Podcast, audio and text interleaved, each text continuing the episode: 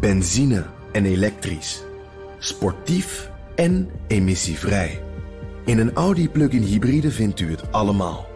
Ervaar de A6, Q5, Q7 en Q8 standaard met quattro vierwielaandrijving. Wat u ook zoekt, u vindt het in een Audi. Audi. Voorsprong door techniek.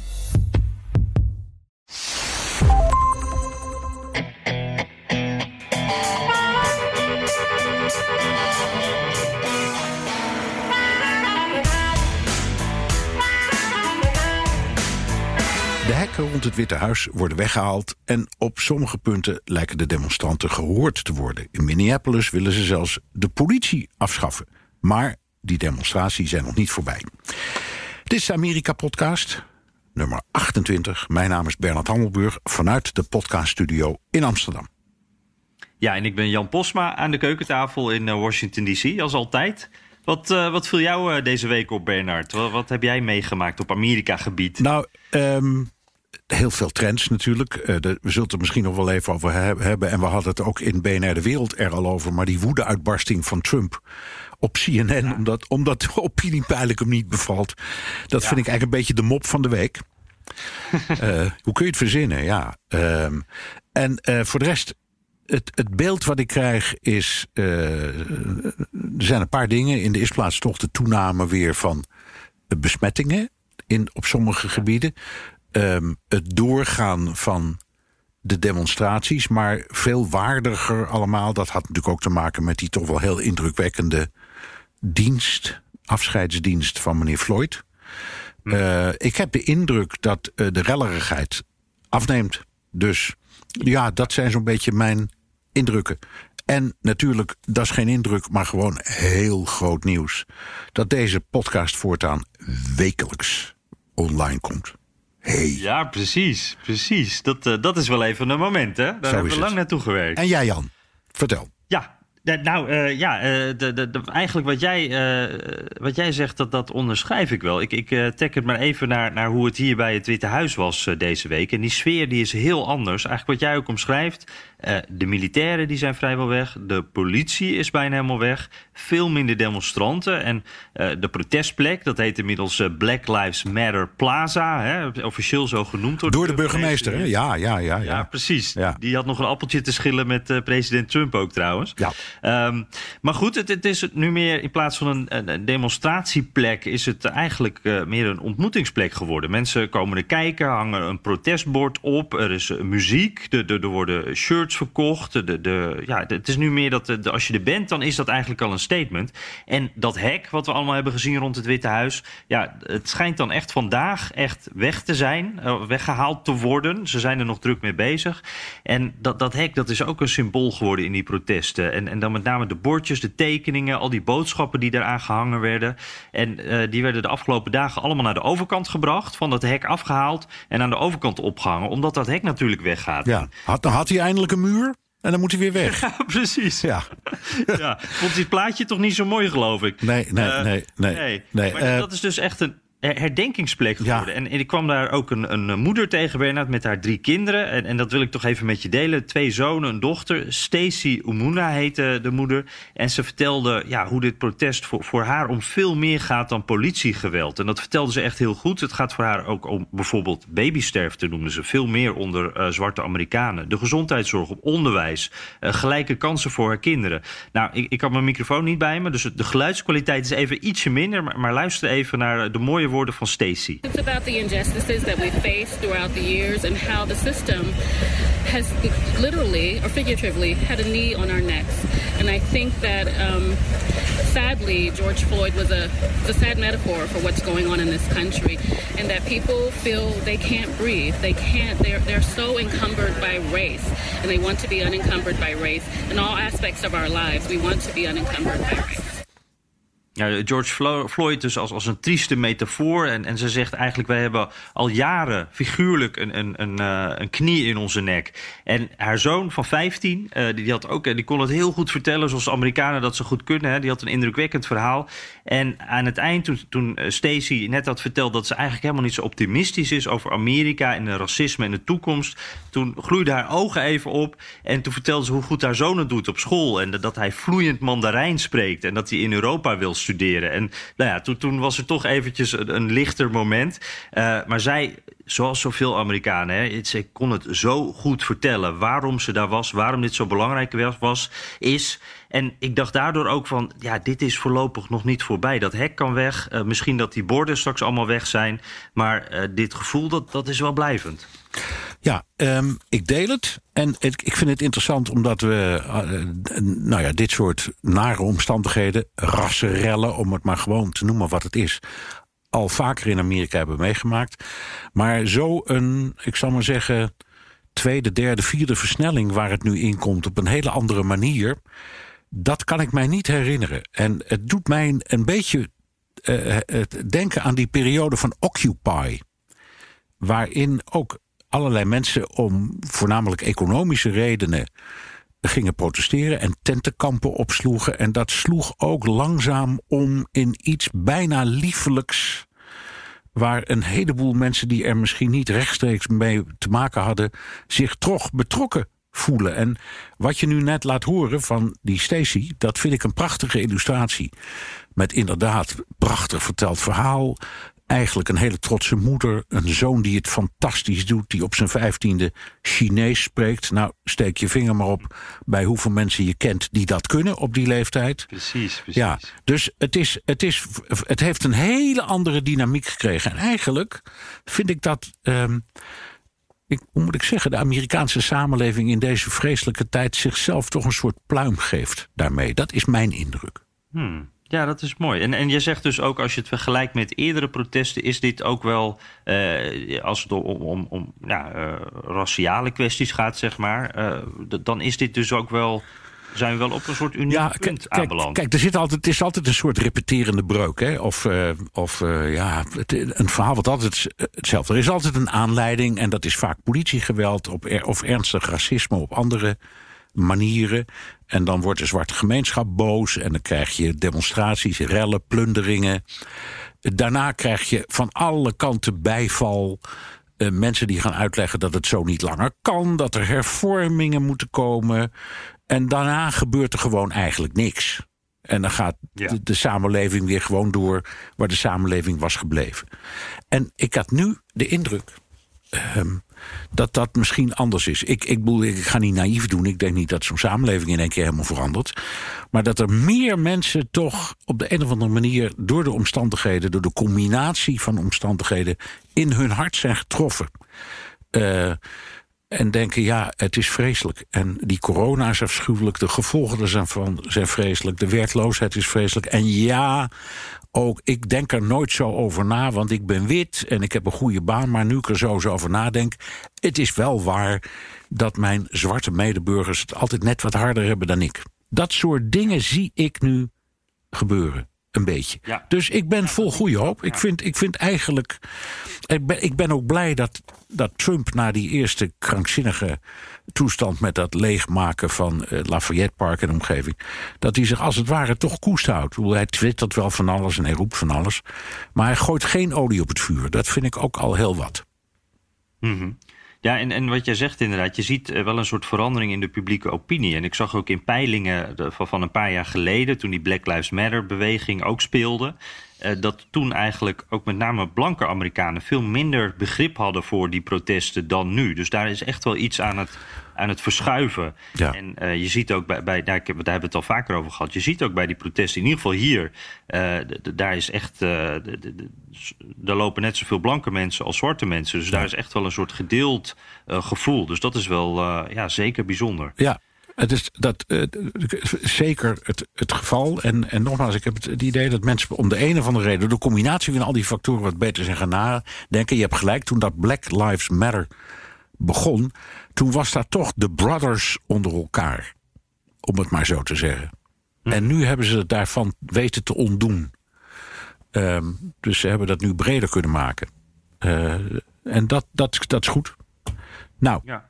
Ja en dan ook de rare dingen, uh, uh, of de aparte dingen. De, de, gemeenteraad in Minneapolis, die zijn eigen politiekorps wil afschaffen. Ehm, Los Angeles en New York, die willen bezuinigen, ehm, hervormen. Ehm, wat is hier aan de hand? Zegt, zegt, zegt zoiets als zo'n gemeenteraad nu: we, we, willen geen politie meer? Of zeggen ze: we ontslaan deze allemaal en we willen een heel nieuw politiekorps? Is dat eigenlijk wat erachter zit? Nou, precies. Ik, ik, uh, wat je hoort is het eerste. En dat zeggen ze ook. De, die van de police, we willen er vanaf, we schaffen het af. Maar uh, ja, daar moet natuurlijk wel iets voor terugkomen. En uh, volgens mij is het in uh, Minneapolis het geval. We, gaan het eigenlijk afbreken, of dat willen we. En daarna willen we het weer opbouwen, maar dan in een andere vorm. En, en daar zie je eigenlijk ook, ik denk, de, de radicalere kanten van de, deze beweging. Die dus echt zegt, die van de police, we willen er vanaf. en de, de wat meer mainstream kant, die komen elkaar daar wel een beetje tegen. Want uh, uiteindelijk uh, willen ze allemaal hetzelfde. En dat is dat de politie niet meer uh, alleen op dat harde handhaven gericht is. bij wijze van spreken niet alleen met de wapenstok slaat. Maar ze willen een politie eigenlijk een beetje meer zoals in Nederland. Met, met de buurtpolitie.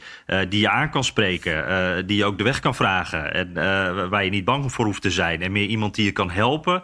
Dan iemand die je terecht gaat wijzen. Ja. En uh, dat zie je overal terugkomen. Ja, nu, nu, nu, is wat mij is opgevallen, jou ongetwijfeld ook, is die, die enorme militarisering van de politiemacht van de afgelopen. Nou, wanneer is dat begonnen?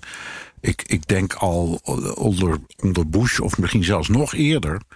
Toen misschien omdat er materieel over was bij de krijgsmacht, dat weet ik niet. Maar plotseling zag je de politie in legeruniformen, met, met, ook met wapens die je normaal verwacht bij de oorlog in Irak, maar niet in de staten van Washington.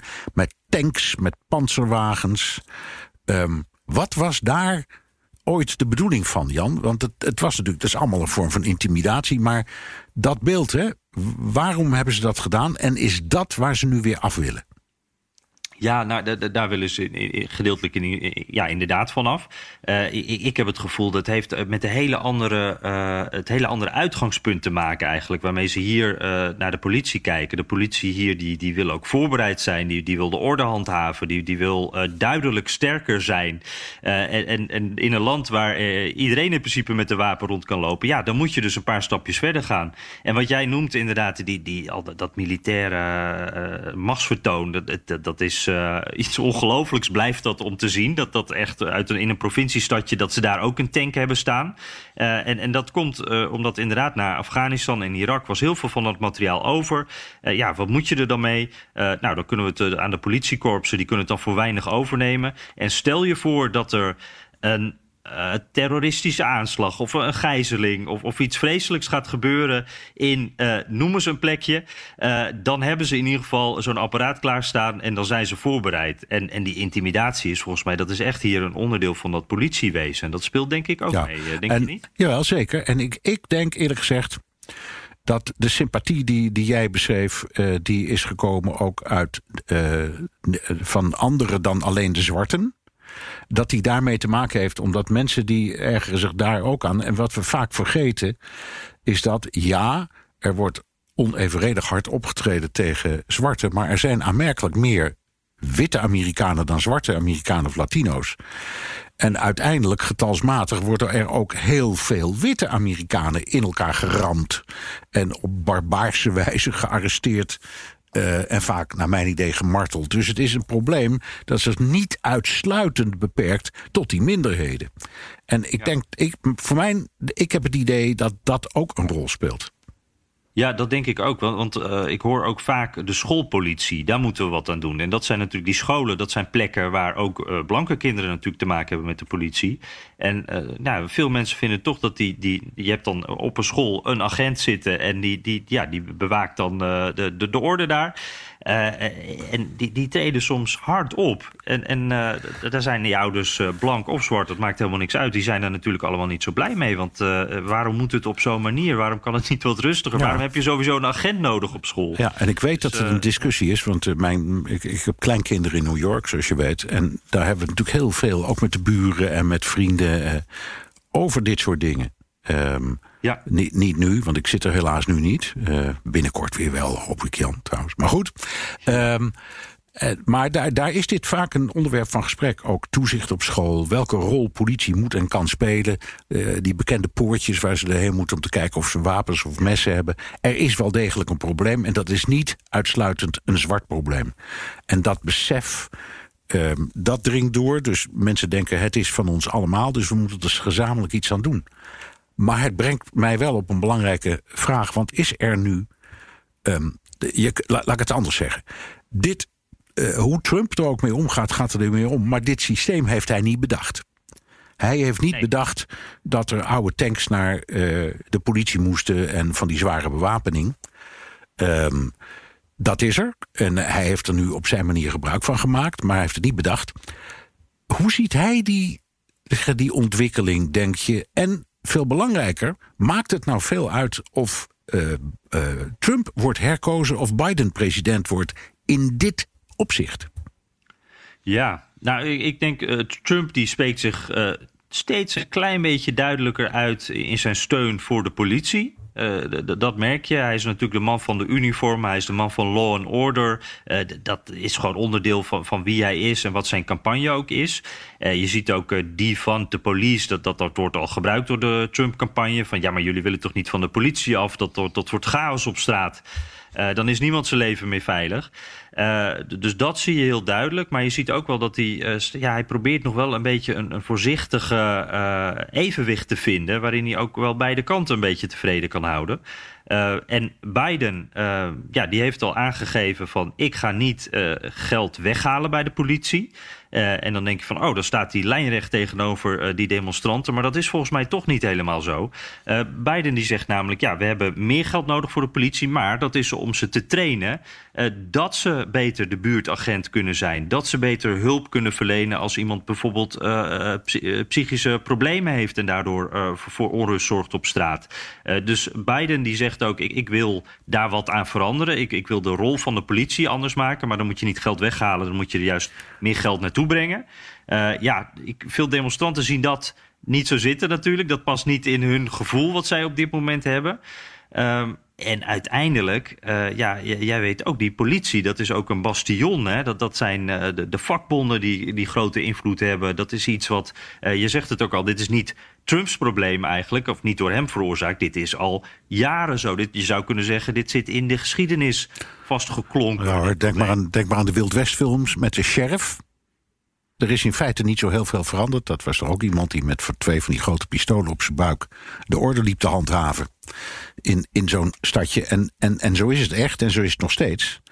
Um, en wat ook een, een, rol speelt, en dat gaat ook dwars door de partijen heen, dat kun je de een niet meer verwijten dan de ander. Dat is het kolossale drugsprobleem dat Amerika heeft, dat veel en veel groter is dan in Europa. Uh, we hebben vaak geen, om, geen idee van de omvang daarvan. En dat leidt tot uh, bendes, tot drugsoorlogen, tot weet ik wat allemaal voor narigheid. Ja, en dat moet ook voor een groot deel door de politie worden opgelost. Dus uh, dat is ook een kant. Gelukkig moet ik zeggen dat nog Trump, nog Biden daar nu over praat.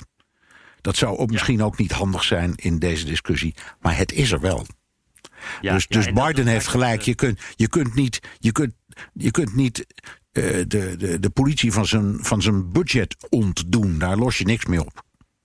Nee, nee. En, en dit maakt, ja, we, noemden ook al uh, wapenbezit natuurlijk. Al die dingen spelen mee en maakt dit natuurlijk een heel ingewikkeld probleem. Wat eigenlijk niet alleen bij de politie ligt, maar veel breder. Maar goed, dat is uh, in een demonstratie en op een uh, protestbord natuurlijk moeilijk samen te vatten. Ja, ja, nou goed. Mijn afval, we hebben toch veel aan de oppervlakte zien komen door deze ja.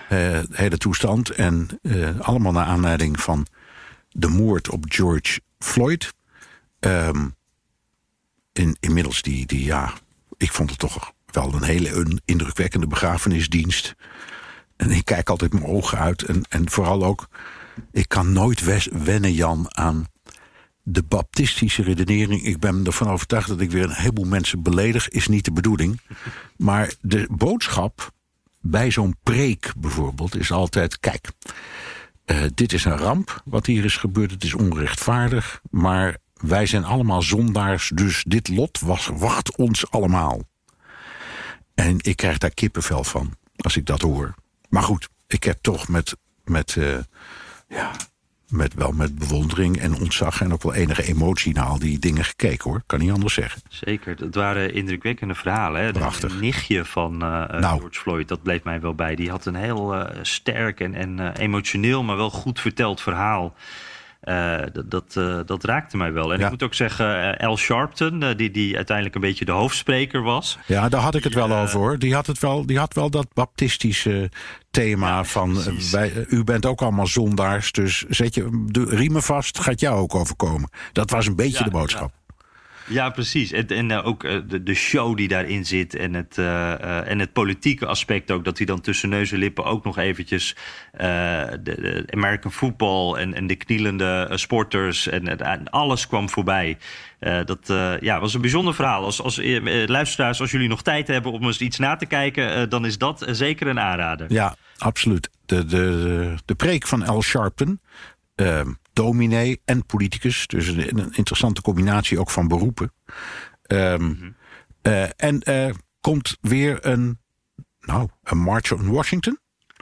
Ja, precies. Want ja, dat, is, uh, dat is alweer een wat, dag of wat geleden, Jan, de vorige. Ja, ja dat is meer dan 50 jaar inderdaad. En um, ja, dat, dat Al Sharpton die kondigde dat uh, een paar dagen eerder al aan. Dat dat, uh, dat, dat gaat gebeuren. En, en, ja, dat moet een, een hele grote, een miljoenenmars eigenlijk worden. Uh, hier door de staten van Washington. tegen politiegeweld met ook alle andere familieleden van, van ja, bekende slachtoffers van politiegeweld. Die zaten trouwens ook in de zaal, hè, al, al die bekende namen, ouders van familieleden. En 28 augustus moet dat gaan gebeuren. En ik, ik ben ook ja, ik ben natuurlijk heel benieuwd wat er dan gaat gebeuren. Hoe groot dat gaat zijn. Uh, wat voor gevoel dat gaat geven. En, en ook waar het land op dat, ja, op dat moment staat. Hè? Want op dit moment, uh, we zijn allebei nieuwsgierig waar het precies met die demonstraties naartoe gaat. We hebben, we hebben gezien dat, dat het wat omgevormd is. Maar uh, ja, blijft dit verhaal nu... Ik denk dat het voorlopig op de agenda blijft staan. Maar op wat voor manier en hoe dan? Ja, en, en wat als er uh, weer een corona-golf uh, ja, komt, dat weten we natuurlijk ook niet. Dus dat wordt wel, ik, ik ben wel heel erg benieuwd wat daar op 28 augustus gaat gebeuren. Nou. Ja, en, en hoe dat ook in verhouding zal staan met die vorige march om Washington. Ja, en dit zit ook um, vlakbij de, de, de conventies van de beide partijen, ja. waarop de officiële dik, uh, de kandidatuur van het Biden en Trump wordt vastgesteld. Dus het, zijn ook, het is politiek een heel belangrijk moment, die 28 augustus. Uitstekende timing om zoiets te doen. Ja, precies. Want je hebt door uh, de politieke ontwikkelingen ook alle aandacht. Dus ik ben ook benieuwd. We gaan niet aan voorspellingen doen. Want ik heb geen idee. En jij waarschijnlijk ook niet. Maar ik in elk geval geen nee. idee wat er gebeurt. Maar het wordt vast interessant. En uh, ja, die andere was trouwens bijna 60 jaar geleden, geloof ik. Hè? De vorige oh, okay. March on, on, Washington. Maar goed. Um, nog een, nog een ja. paar, paar dingetjes. Ja. ja. Um, um, beeldenstorm. Nou is dat ja. in, in Amerika makkelijk, want ik geloof dat er geen land in de wereld is met zoveel beelden. In elke stad, op elke straathoek staat wel een beeld. Dus, ja, dat is wel waar, ja. het is makkelijk schieten, zal ik maar zeggen. Ja, ja. Maar ja, ik, ik zit... Ik weet niet hoe jij daar tegenover staat, maar ik zie dat nou gebeuren. Hè. En dan zie ik uh, allerlei uh, belangwekkende figuren uit uh, de tijd van de Confederatie. Dus uit de tijd van de burgeroorlog, toen het zuiden zich had afgesplitst. En daar werd geleid door, laten we maar zeggen, de grote voorstanders van uh, slavernij. De beelden van die mensen worden nou omgehaald. En dan denk je, ja, dat snap ik ook wel. Uh, generaal Lee, ja, dat was de leider van, van die mensen die gewapende hand de slavernij verdedigden. Dus dat, die, die is niet zo sympathiek, denk je dan nu? Aan de andere kant als je ermee doorgaat, dan eindig je met Palmyra. Want de, de, de IS, dat, dat allerlei mooie dingen vernielde in Syrië, antiquiteiten, had ook zo'n redenering. Mm -hmm. Dus waar ligt nou de grens? Ja, ja, precies. Ja, dan stel je gelijk uh, de, de moeilijkste vraag natuurlijk. Want je hoort hier uh, de, de mensen die er tegen zijn... en die, die dus inmiddels ook s'nachts, uh, onder andere in Richmond... wat, wat vroeger de hoofdstad natuurlijk van die, die geconfedereerde staat was... die, die daar de staat op gaan om inmiddels die beelden neer te halen. En Nou, ik zag die beelden uit Groot-Brittannië, waar hetzelfde gebeurt, in België. dus het is ook een soort wereldwijd, wereldwijde actie aan het worden. Ja. En een soort raar, ja, onverwacht bijverschijnsel. Denk ja, ik ook. is ook zo. Maar goed, Churchill, dat vond ik wel een aparte. Om dat, om dat beeld te beklotten. Maar goed, in, in, in, in Brussel, het, of in Laken, het, het beeld van Leopold II. Ja, dat kan ik me wel voorstellen. Want dat is je weet, die had Congo als privédomein. En dat is een van de grootste massamoordenaars uit de moderne geschiedenis. Dus ja, De, het, ik vind het ingewikkeld. Um, ja. Uh, nog even, de, de, de, de Confederate flag heeft daarmee uh, te maken. Um, mag niet meer worden gebruikt bij NASCAR. De beroemdste, de meest bekeken sport, denk ik, ter wereld. Hè? Toch? Nou, in ieder geval in Amerika. Ja, in ieder geval in Amerika, ja. Ja. Um, dat viel mij wel op, Bernard. Ja. Die, die beelden, dat, dat is inderdaad iets, een, een, doorgaande discussie eigenlijk ook. Dat komt ook om de zoveel tijd, in ieder geval de laatste jaren, steeds weer op. Uh, heb ik trouwens, hoe, hoe, zie jij dat? Is dat iets van. Ik heb het gevoel dat, dat het neerhalen van, van die beelden in de VS in ieder geval. dat ik daar de laatste jaren veel meer over hoor dan de 10, 15 jaar daarvoor. Is dat ook zo? Of, is ook zo. Uh, is ook zo. Dat, ja, dat, ja, okay, ja, ja, dat gebeurde vroeger. Dat is wel een niet. nieuwe ontwikkeling. Ja, ze werden vroeger wel beklad en zo. Maar het neerhalen van een beeld, dat is echt nieuw hoor. Ik kan me niet herinneren. Ja. Nee, nee, inderdaad. Nou, en, en die vlag die geconfedereerde vlag, zeg je dan in het Nederlands. De Confederate flag, zeg ik maar even. Dat klinkt toch net even wat beter. Ja, van de Zuiderlingen. Ja, de, ja, precies. Die kennen we. Dat is die vlag van, van de zuidelijke staten. Uh, volgens uh, uh, veel Amerikanen is dat een, een, symbool van slavernij. Want dat is waar die staten voor vochten. ook een symbool van ja, misschien wel landsverraad. Want dit, dit of niet misschien, dat is, dat is landsverraad. Die, die, die staten die hebben zich afgescheiden van de Unie en zijn gaan vechten met de Unie. Dus ja, is dat nou iets uh, waar je als uh, Amerikaan die twee dingen waar je trots op moet zijn? Dus die vlag, die zien mensen liever niet uh, in het straatbeeld. Maar in het zuiden ja, zijn allerlei mensen die dat heel anders zien. En die zeggen van ja, die vlag dat is ook onze geschiedenis. Dat is mijn, mijn, mijn familie die heeft gevochten voor de, de noble cause, voor voor het zuiden. Uh, die, die staat bovendien niet voor racisme. Uh, we vochten niet voor uh, de, het houden van slaven. We vochten voor, voor, onze, voor, voor, de macht van, van de staten, voor onze onafhankelijkheid. Dat was waar het op ging. Ja, tegen het juk van Washington. Ja, precies. Ja. Dus die, die vlag die staat voor heel wat anders. En juist iets waar wij trots op kunnen zijn. En waar we ook trots op willen zijn.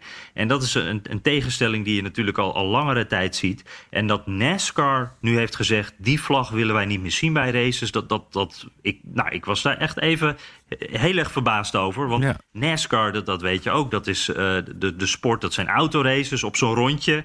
Uh, dat snappen wij als Europeanen dat niet, een beetje saai.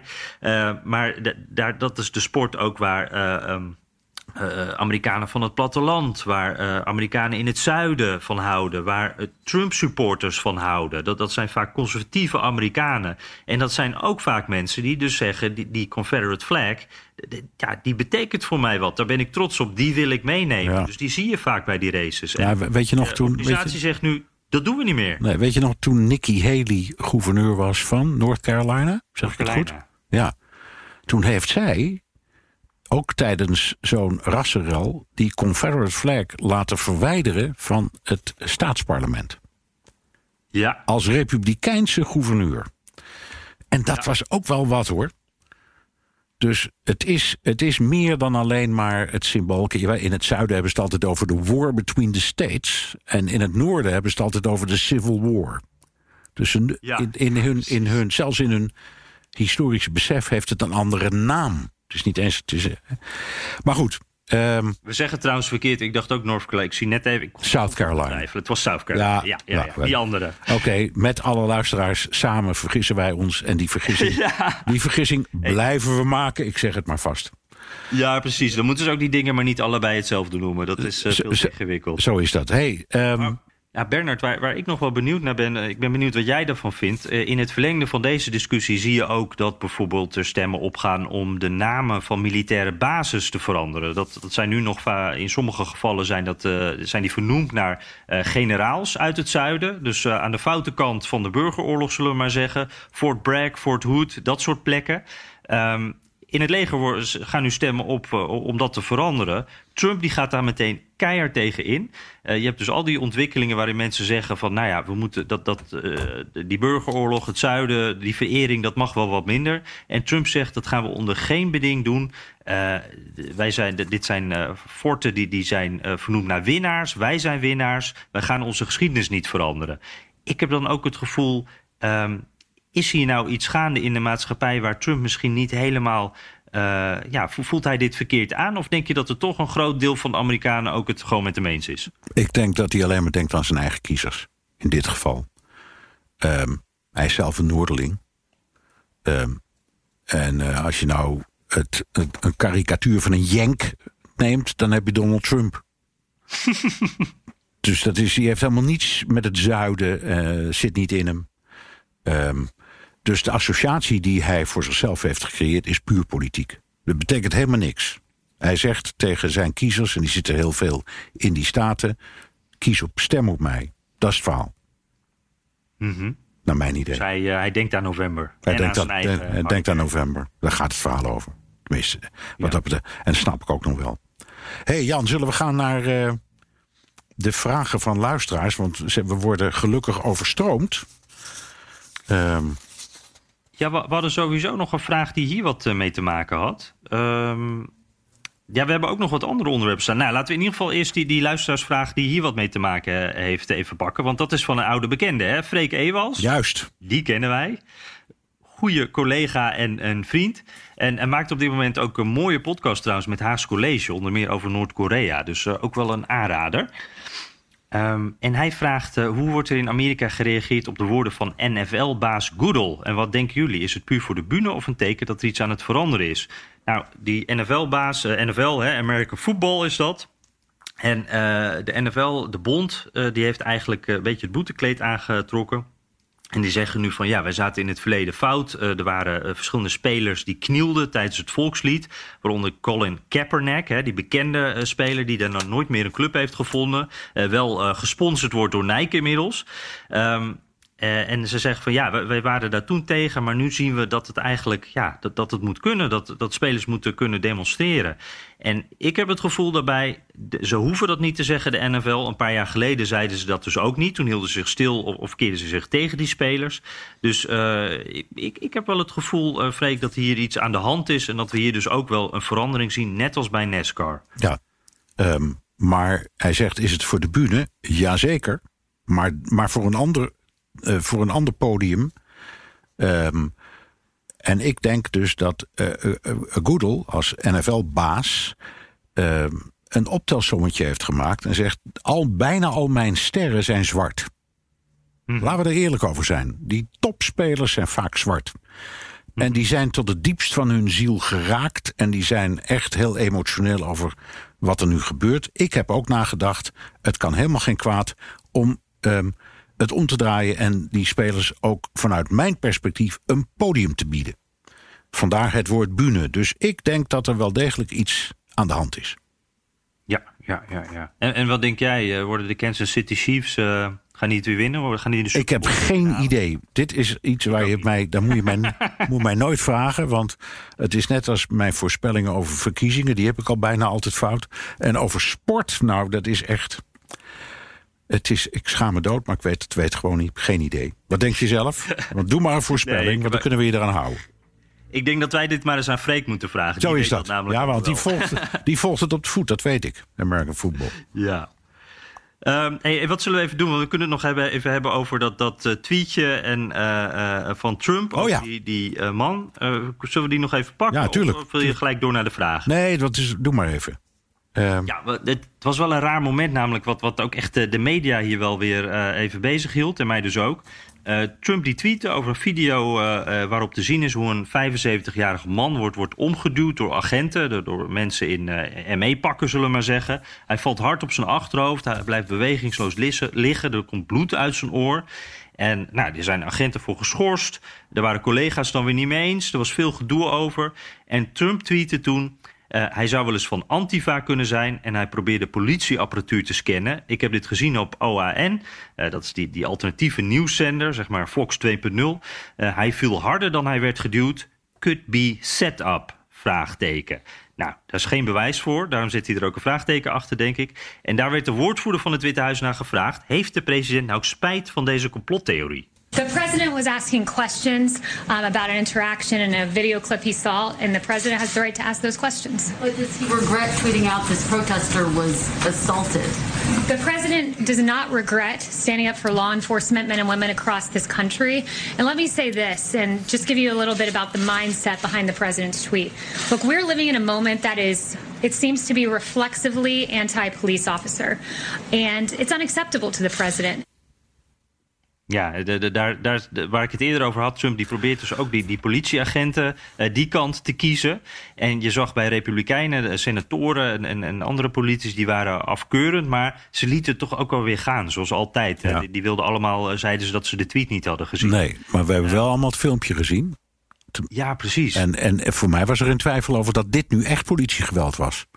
Dat leek mij ook inderdaad. Want het was, de, die, de, of wat die man nou precies zei, weten we niet tegen die politieagent, maar hij raakte hem niet aan. Hij probeerde niks te doen. Hij stond iets gebogen over die politieagent heen en zei iets.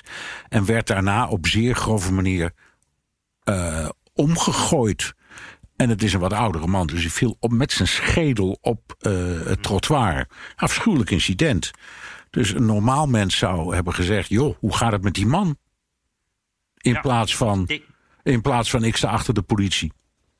Denk jij dat dat nou nog invloed heeft op, op kiezers? Dat, uh, je, je, wij zeggen dan wel, uh, we missen de empathie bij Trump op zo'n moment ook. Waar, waarom doet hij dit? Hij kan ook zijn mond houden.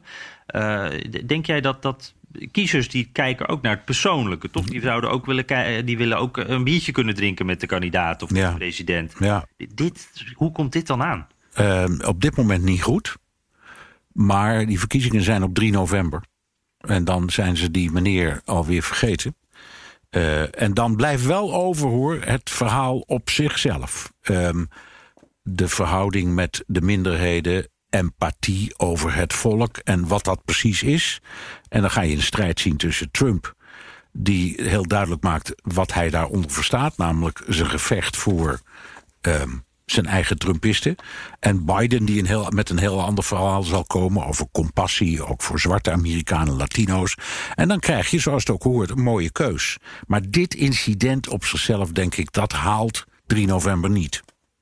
Mm -hmm. Nee, dat zou goed kunnen, inderdaad. Uh, zullen we het nog even snel over de campagne hebben? Ja, graag. Ja, jij had uh, een berichtje gezien over de paus die zich uh, uitsprak over de dood van Floyd. En jij, jij zei, uh, nou, daar, daar moeten we het even ja, over hebben. Ja, dat, dat vond ik iets, omdat op zichzelf is ehm, het, het opmerkelijk als ehm, de paus een, een politieke uitspraak doet. Want dat doet hij over een staatshoofd en niet de eerste de beste. Maar bovendien, dat is bij alles, zo'n pauselijke uitspraak, dat is natuurlijk ook een boodschap aan de bisschoppen. En dat was ook de aanleiding, omdat een Amerikaanse bisschop, ik geloof, was gaan knielen of iets had gedaan om sympathie te tonen voor Floyd.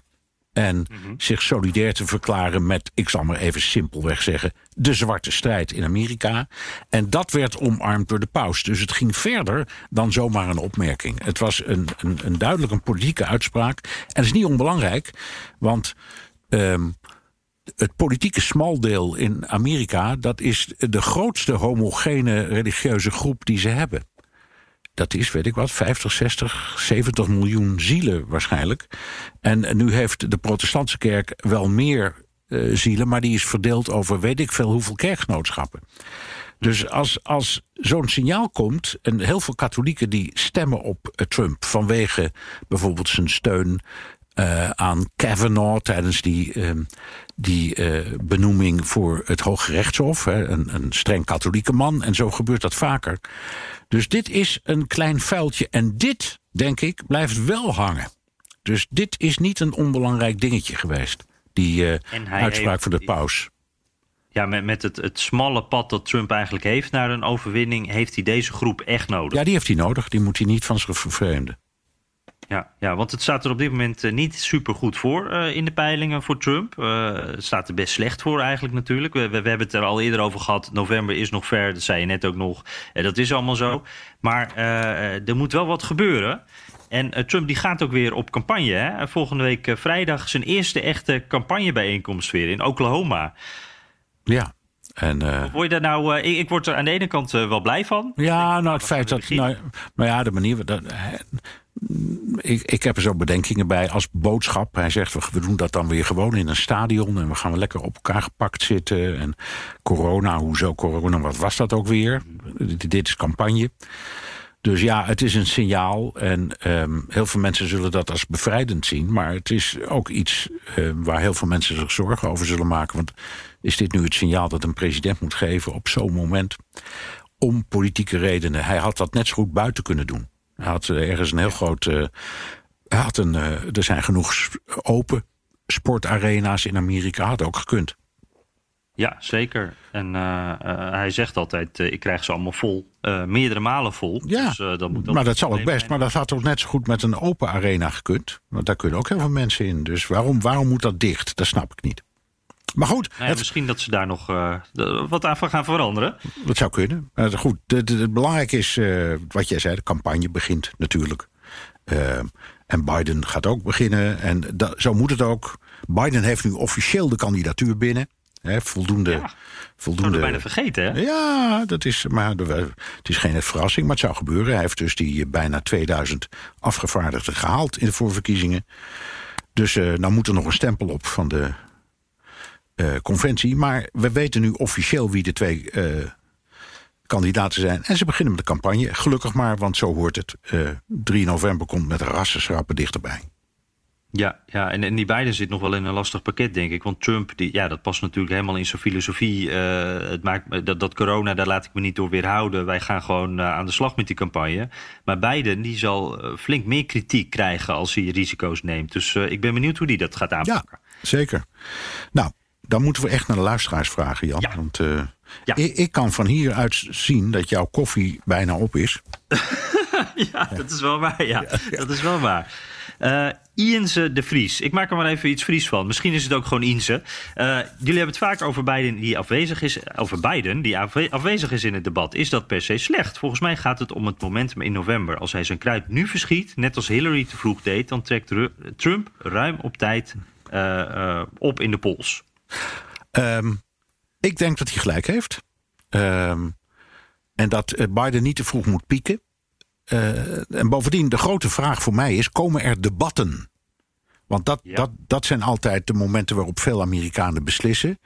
Meestal zijn er twee of drie uh, debatten tussen de kandidaten. Komen die er of niet? Weten we niet. Uh, elk van de twee heeft het recht om te zeggen: ik voel er helemaal niks voor. Er is geen verplichting, er is geen wet die het voorschrijft. Het is een gewoonte.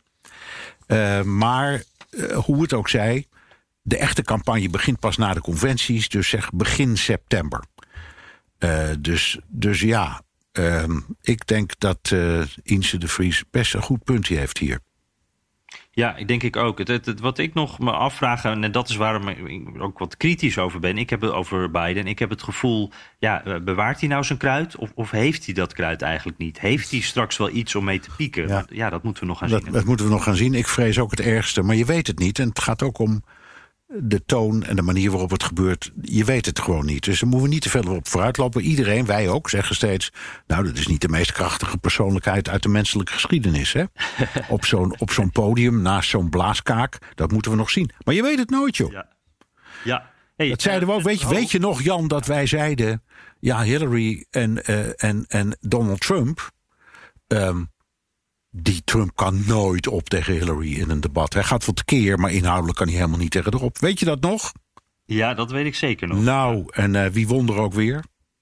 Ja, dus ja, je weet maar nooit. En, en Clinton die, die won wel die debatten, maar dat maakte, bleek helemaal niks nee, uit te maken. Nee. Dus, dat, dus, uh... dus je weet het niet. Precies. Um, Fred Verhoog die heeft ook nog een Biden-vraag. Uh, het mogen duidelijk zijn dat hij als persoon niet zo'n campagnebeest is als Trump. Maar waarom is ook zijn team zo stil? Dat hij niet graag uit zijn kelder komt, dat snap ik nog wel. Maar waar zijn de spotjes? Waar is de online campagne? Ik hoor niets. Is Nee. er een geldprobleem? Ja. Um, ik, het zou me niks verbazen als het antwoord ja is. Want de Trump-kas is, ja, nou, die is zo enorm gevuld, dat is spectaculair. Maar ook hier weer geldt het probleem van timing. En op dit moment, met een pandemie en ongeregeldheden en demonstraties, um, is het misschien voor de Democraten zonde om er veel geld in te steken. Ik denk dat je als jij in zo'n campagne-team zou zitten.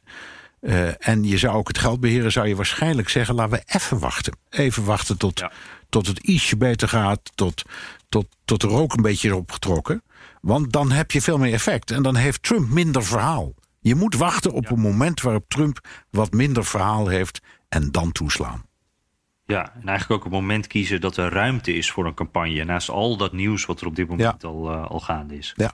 En ik, ik zag trouwens, ik had het even nagekeken. In april in ieder geval hebben beide campagnes ongeveer 60 miljoen dollar binnengehaald. Maar Trump die, die heeft een enorme voorsprong, wat je al zei. Die hebben zoveel geld. Dus uh, daar valt voor beide nog wel te winnen. Zo is het. Hey, dan gaan we naar uh, Chris uh, Vigé. Um, Dit is echt een vraag voor de buitenlandcommentator Bernard. Dus uh, luister goed. Uh, hij luistert altijd als ik uh, thuis mijn push-ups, sit-ups doe... om tijdens thuiswerken nog een beetje in shape te blijven. het lijkt erop dat Amerika steeds meer op Italië begint te lijken. Een dysfunctionerende overheid en een regering waar ruzie prioriteit krijgt boven beleid... uit de hand lopende staatsschuld... en een tweedeling in de samenleving tussen een modern, progressief en welvarend deel... versus een achtergebleven deel dat steeds verder wegzakt. En dan ook nog een groep slimmerts, bijvoorbeeld grote corporates in de US die gebruik maken van de zwakke overheid en corrupte politici om wetten en regels te omzeilen. Uh, hij ze, ja, zegt dat het enige verschil is de aanwezigheid van een groot en effectief leger. Zoals Paul Krugman al eens zei: Basically, the US government is a badly run insurance company with an army. Hoe kijk jij daar tegenaan? Ja, dat is, dat is bijna een, um, een lezing die hij houdt. Uh, en, of een column die hij schrijft, laat ik het zo zeggen. Ja, er is best wat voor. interessante punten. Heel goed, heel goed, heel goed. En ik, de, de, het is ook absoluut de punt. Er zijn verschillen in de eerste plaats het systeem. Uh, omdat um, uh, Italië, net als wij, een coalitiesysteem kent. Uh, dus een andere vorm van parlementaire verkiezingen. Dus een, een, een kabinet kan ook vallen. Nou, ik geloof dat nergens in de democratische wereld dat zo vaak is gebeurd als in Italië. Maar je, je kunt dus een zittende regering veel gemakkelijker afstraffen voor gedrag dat politiek niet meer goed valt. In Amerika kan dat niet. Je kan de president niet afzetten. Nou ja, we weten, dat kan, in, in principe kan dat niet. Dus die zit zijn volledige periode uit. Dat is in Frankrijk ook zo, met zo'n presidentieel systeem. Maar dat hebben ze in, in, in Italië niet. Dus dat is het grote verschil. En voor de rest, ja, het klopt. De tweedeling is enorm. Maar het, in Italië is het sociale systeem, hoe gammel ook, toch een stuk beter dan de Verenigde Staten hoor. En, en, en we, ja, we kijken nu naar die, de ramp die zich heeft voltrokken bij, uh, in het, in, in, in, met het virus. Maar als je ziet, dat wil ik toch wel even zeggen hoor, hoe goed het Italiaanse gezondheidssysteem is, mag ook best eens worden gezorgd, gezegd. Mm -hmm. Nou, dan kunnen de Amerikanen nog een punt aan zuigen. Ja, ja, ja, ja. ja. Um, Marie-Bet Jaken. Uh, via via ben ik in de wereld van de complottheorie van QAnon terechtgekomen. Ik weet nooit ja. of ik dat goed uitspreek. Q, QAnon, denk ik. QAnon, ja. ja. Ja, inderdaad. Nou, en zij heeft een paar vragen. Um, maar hoeveel zijn er eigenlijk? Uh, weet Donald Trump van het bestaan? Uh, speelt hij hier actief op in tijdens campagne-rallies? Wat vindt hij ervan? Wordt die groep serieus genomen? Ja, en ik, ik, ik ben al wat langer met die groep bezig, want ik vind dat ook heel interessant. En hoeveel het er zijn, dat is eigenlijk niet te zeggen. Weet niemand. Maar ik zie ze wel heel veel bij Trump-rallies. Ik, ik, was ook een tijdje geleden bij CPAC, hè, dat conservatieve uh, congres eigenlijk.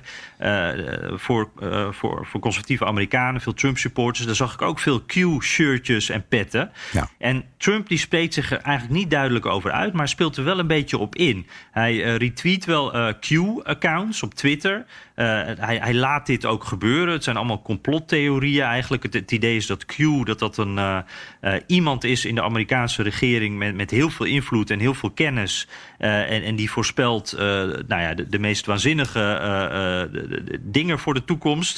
waarin Trump steeds een helderrol speelt. Um, Volgens mij wordt het buiten de groep uh, uh, supporters, zeg maar, uh, canon supporters, wordt het niet echt serieus genomen. En ik, ik, denk wel, die complotdenkers, die, die zullen zeker van invloed zijn ook weer deze ja. verkiezingen. Want Obamagate, dat weten we nog steeds niet. Nee, nou ja, ik denk dat Trump gebruikt gewoon teksten van QAnon die hem aanspreken. En hij is ook wel een beetje van complotten, dat vindt hij leuk. Hè? Denk, denk aan, uh, ja. hij was een van de, van de belangrijkste stemmen in het complot tegen Obama, dat dat geen Amerikaan was. Maar de enige andere naam die mij te binnen schoot was Roseanne Barr, de comedienne en actrice. Oh ja. Die ja. is een Q en een aanhanger. Nou, en toen dat naar buiten kwam, was het in één keer einde oefening in haar carrière. Dus. En voor de rest ja. weet ik eigenlijk, ken ik geen grote namen. Nee, nee ik, ik weet, het zijn er een heleboel. Maar hoeveel precies? En uh, ja, ik, ik geloof het allemaal niet. Dus ik. Uh, nou zeg, ik geloof alles. ja. dit is precies wat een QAnon-aanhanger ook zou zeggen. Als Zo is het. Zou worden. Ja. Um, de laatste, Bernard. Dit vind ik een hele leuke. Camille Beyer. Is het voor, voorstelbaar dat Joe Biden een republikeinse running mate zou uitkiezen? Nee.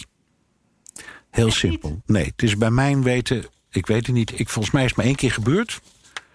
Het kan zijn dat um, John Adams Jefferson als running uiteindelijk heeft aangewezen als vicepresident na de verkiezingen. Heel ver terug. Dat is helemaal aan het begin van de Republiek.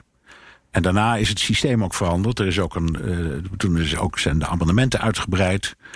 Uh, toen bestonden de Republikeinen en de Democraten in de huidige constructie ook nog niet. Die partijen heten toen anders.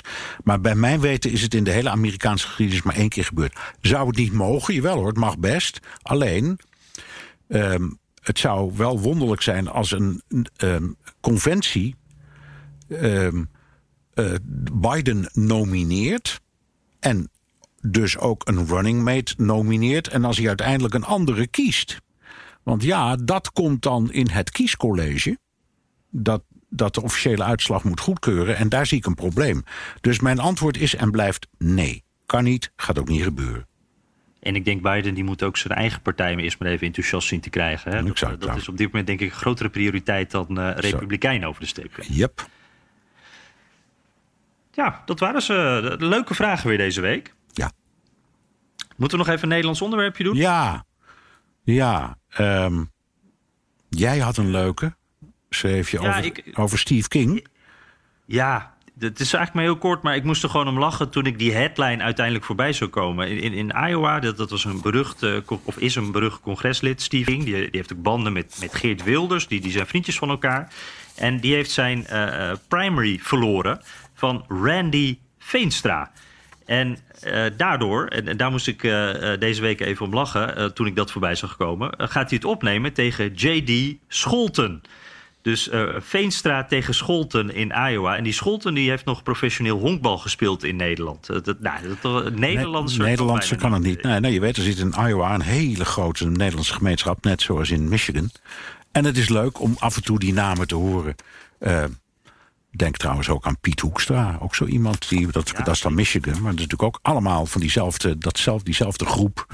Um, overtuigde christenen die in, in, in de loop van de 19e eeuw is verhuisd naar Iowa en Michigan. En daar nog steeds heel welvarend en ook heel overtuigd leven zoals ze destijds hebben geleefd. Hartstikke leuk verhaal. Ja, zeker. Dat, uh, ze zijn er nog. En uh, daarmee zijn we ook aan het einde gekomen hè, van de Amerika-podcast. Via de BNR-app of de site kun je heel makkelijk op de podcast abonneren. Kan ook via Apple Podcasts of Spotify. We genieten altijd van recensies. Jan, wie sabelt ons nu weer neer? ja, beginnen eventjes met neersabelen. Paul Akkermans hebben het vijf minuten volgehouden. Kritiekloos interview.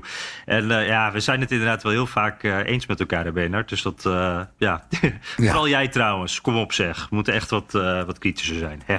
Ja. Tanja, Dutch Delight. Uh, over Amerikanen in, uh, of Nederlanders in Amerika gesproken. Ik heb net voor de eerste keer geluisterd en, het, uh, en dat blijf ik ook doen. Jullie hebben een nieuwe fan bij uit Phoenix, Arizona. Dus dat is leuk. Zullen we haar op gaan zoeken? Want daar is het altijd zo lekker weer, Jan. Heerlijk warm inderdaad. Ja. Uh, Jeroen Huisten, uh, mooi, meer historische context. Uh, dan is het ook nog rectificatietijd. Joop Meijer, prima uitzending. Maar ja, de uitspraak Parijs is nog ver. Is niet van Mart Smeet, zoals is, ik dacht. Maar van Joop Zoetemelk. Als Joop wou ik dit toch even rechtzetten. Hij heet ook Joop. Fantastisch. Hij heeft natuurlijk gelijk. gelijk. Ja. ja. En we blijven even in het wielrennen. José Been, ook vaak op BNR te horen. voor het eerst jullie podcast gehoord. Erg vermakelijk op de racefiets. Ondanks de regen. Ga zo door. Lekker blijven ouwe hoeren. Uh, dus dat is ook mooi. Robert van Eyck in Japan toch even aan de keukentafel. Vandaag uh, wederom de podcast uh, met plezier beluisterd. Ik zit als KLM-piloot in verplicht quarantaine in de Airport uh, Hotel in Tokio voor twee dagen. En dan is het gezellige koffiegesprek erg welkom. Volgende aflever aflevering hopelijk gewoon thuis beluisteren. Wauw, wat een verhaal. Inmiddels zo zijn. Ja. Uh, Hans Metske dan nog, niet te kort, niet te lang, hooguit twee koppen koffie. Lekker bezig. Nou, die verwijzen ze inderdaad op. Dus uh, daar heeft hij helemaal gelijk in. Ja, nou, Leuke dingen allemaal. Terugluisteren kan via de BNR-site, Apple Podcast en Spotify. Heb je vragen, opmerkingen, kritiek of complimenten... dan kan dat ook met een tweet naar Jan Postma USA of BNR De Wereld... of heel ouderwets met een mailtje naar dewereld.bnr.nl. Ja, en weer dank voor het luisteren. Tot de volgende keer. Volgende week dus al, Bernard. Ja, voortaan elke week. Wij zijn blij als kleine, kleine kinderen. Zeker.